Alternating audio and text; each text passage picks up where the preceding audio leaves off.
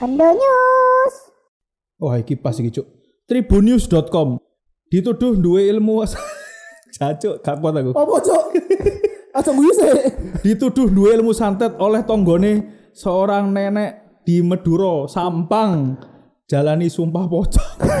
Tak kira ket mau mbah sumpah pocong gak ono temenan iki ono di bakno. Jancuk iki sapa, Cuk? Nenek, Cuk. Tega banget anjir nenek-nenek suruh sumpah pocong gila. Karena dia disangka ini ul punya ilmu santet. Anjir. Wah gila sih. Wah, gendeng yo. Iku sing duwe ilmu sapa sing dikon sumpah pocong sapa?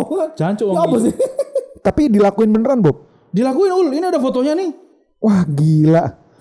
Ada, ada fotonya, ada tulisan viral lagi. Aku aku sambawi iku Bob yo mikir, untung Harry Potter iku gak nang Indonesia. Bener, Cuk. Lek gak ngono kabeh penyihir digawe sumpah pocong kabeh, Cuk. Terus Harry Potter, Wingardium Leviosa, eh, sumpah pocong, sumpah pocong.